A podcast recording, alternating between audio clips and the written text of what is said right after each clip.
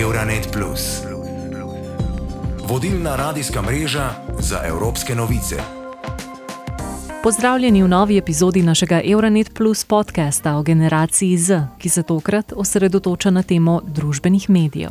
Pripravila sem jo Tatjana Milovanovič, brali sta Anja Urek in Mateja Arnoš.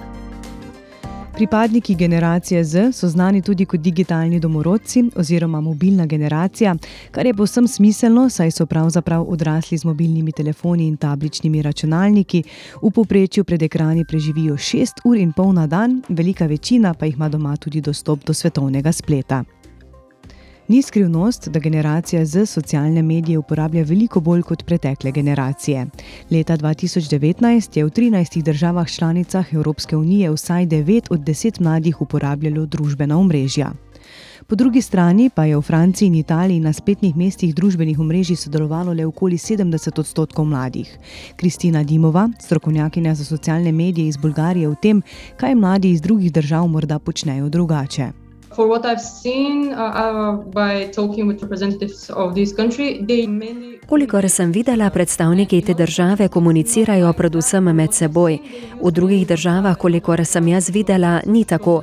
Uporabljajo predvsem WhatsApp in druge platforme družbenih medijev, ki so namenjene komunikaciji z namenom povezovanja. Ne objavljajo veliko in mislim, da se ne zanašajo na družbene medije, da bi pridobili neko drugo perspektivo o sebi, kar bi lahko bil dejansko boljši način uporabe družbenih medijev. Marko Pušner z točke osveščanja o varni rabi interneta safe.si Fakultete za družbene vede Univerze v Ljubljani pravi, da so družbena omrežja tista, ki generaciji Z oblikujejo pogled na svet. To zna biti malce problematično, ker vemo, da državna mreža nas zapirajo v informacijske mehurčke. In dejansko predstavniki te generacije so nekako zaprti v te informacijske mehurčke, res pa je, da so zelo skeptični do določenih informacij na državnih omrežjih. In dejansko jim ne zaupajo popolnoma, kar je mogoče značilno za starejše generacije, ki so nekako bolj zaupljive in prej, bom rekel, nasedajo tudi kakšnim dezinformacijam. Ravno družbena omrežja so dobila slove s platform, na katerih smo lahko spremljali porast dezinformacij.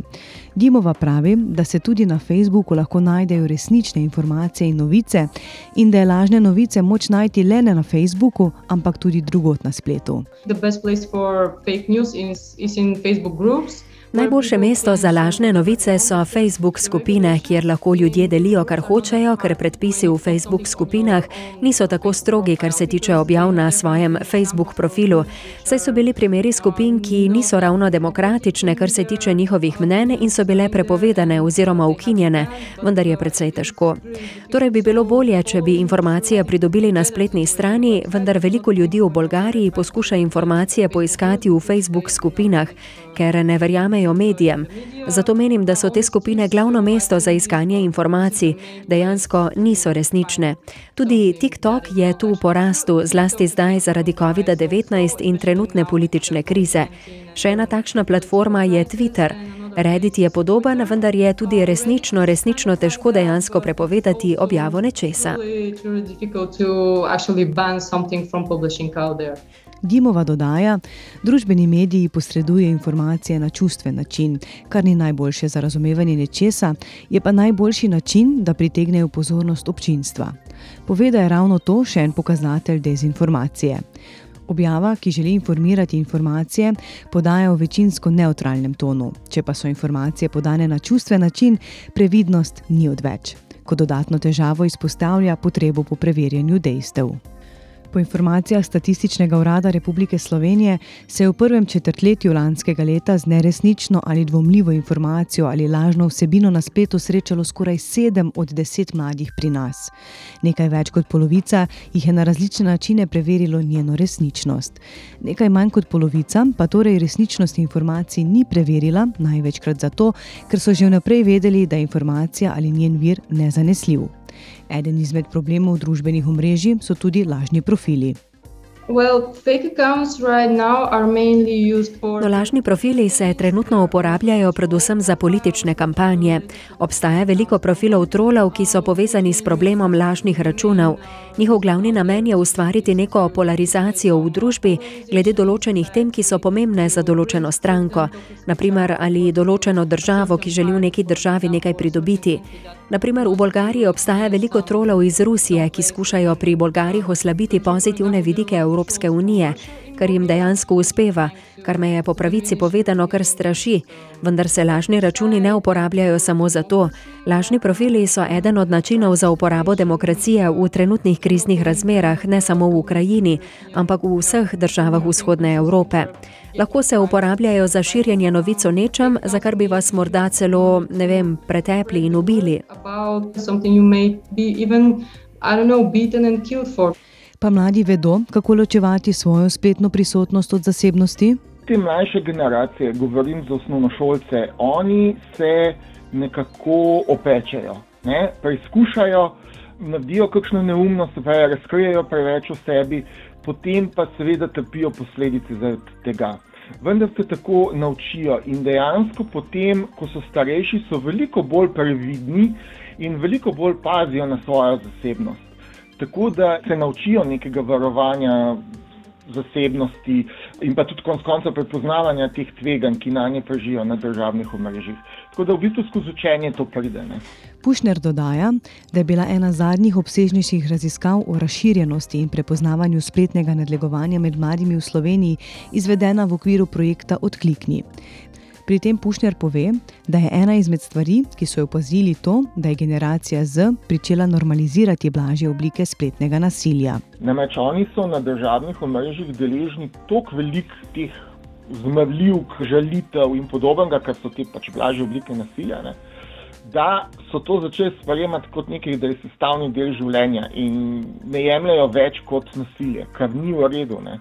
Raziskava odklikni je pokazala tudi, da so najpogostejši spletni nadlegovalci tako deklet kot fantov fantje, da fantje spletno nadlegovanje najpogosteje doživljajo strani oseb z njihove šole, dekleta pa strani tistih izven šolskega prostora, da fantje spletno nadlegovanje pogosteje dojamejo kot smešno, kot zabavno in se na ne odzovejo, da dekleta zaradi spletnega nadlegovanja pogosteje zaznavajo resne posledice, kot so nemoč, depresija, stres in strah.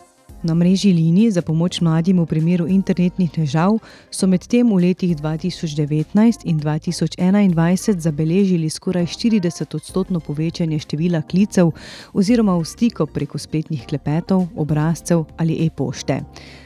17 odstotki je bilo med najbolj pogostimi temami stikov spletno nadlegovanje, kar je delno posledica dejstva, da se je zaradi pandemije COVID-19 večina obveznosti preselila v digitalno obliko. Pušner o tem dodaja. Problem pri spletnem nasilju na državnih omrežjih je tudi to, da ga državna omrežja ne odstranjujejo dovolj intenzivno. Oni sicer trdijo, da so zelo uspešni pri tem, pa to vendar pa praksa kaže, da predvsem blage oblike nasilja, kot so recimo neke žaljivke in podobno, da s tem se bolj ali manj ne ukvarjajo in tudi, ko ljudje prijavljajo take oblike nasilja, ni neke učinkovite akcije ali pa reakcije samega državnega omrežja.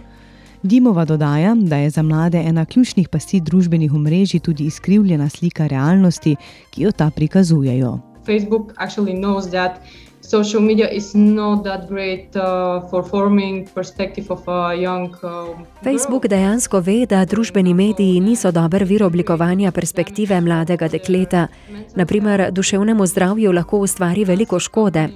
Facebook in Instagram ne sprejemata nobenih korakov, da bi zmanjšala težave z duševnim zdravjem, ampak jih dejansko le še poslabšujeta. To je torej velika past za mlada dekleta tam zunaj. Vem, da je lahko zelo težko gledati te popolne vplivneže, ki izgledajo odlično in uporabljajo različne aplikacije, da bi bili videti kot modeli.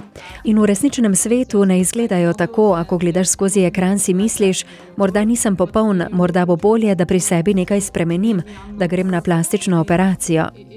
better to, to change something in me to go to plastic surgery Morda pa se bo odnos družabnih omrežij do realnosti, ki jo prikazujejo spletnega nasilja in lažnih novic, moral spremeniti že v bližnji prihodnosti.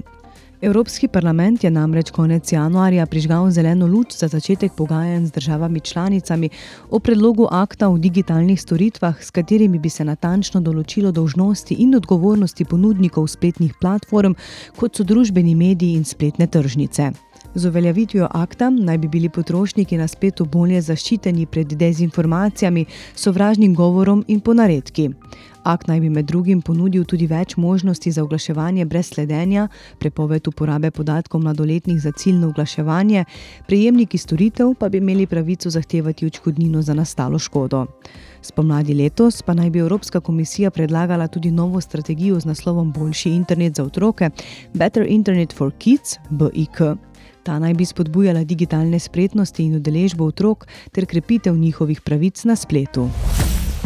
Euronet Plus za boljše razumevanje Evrope.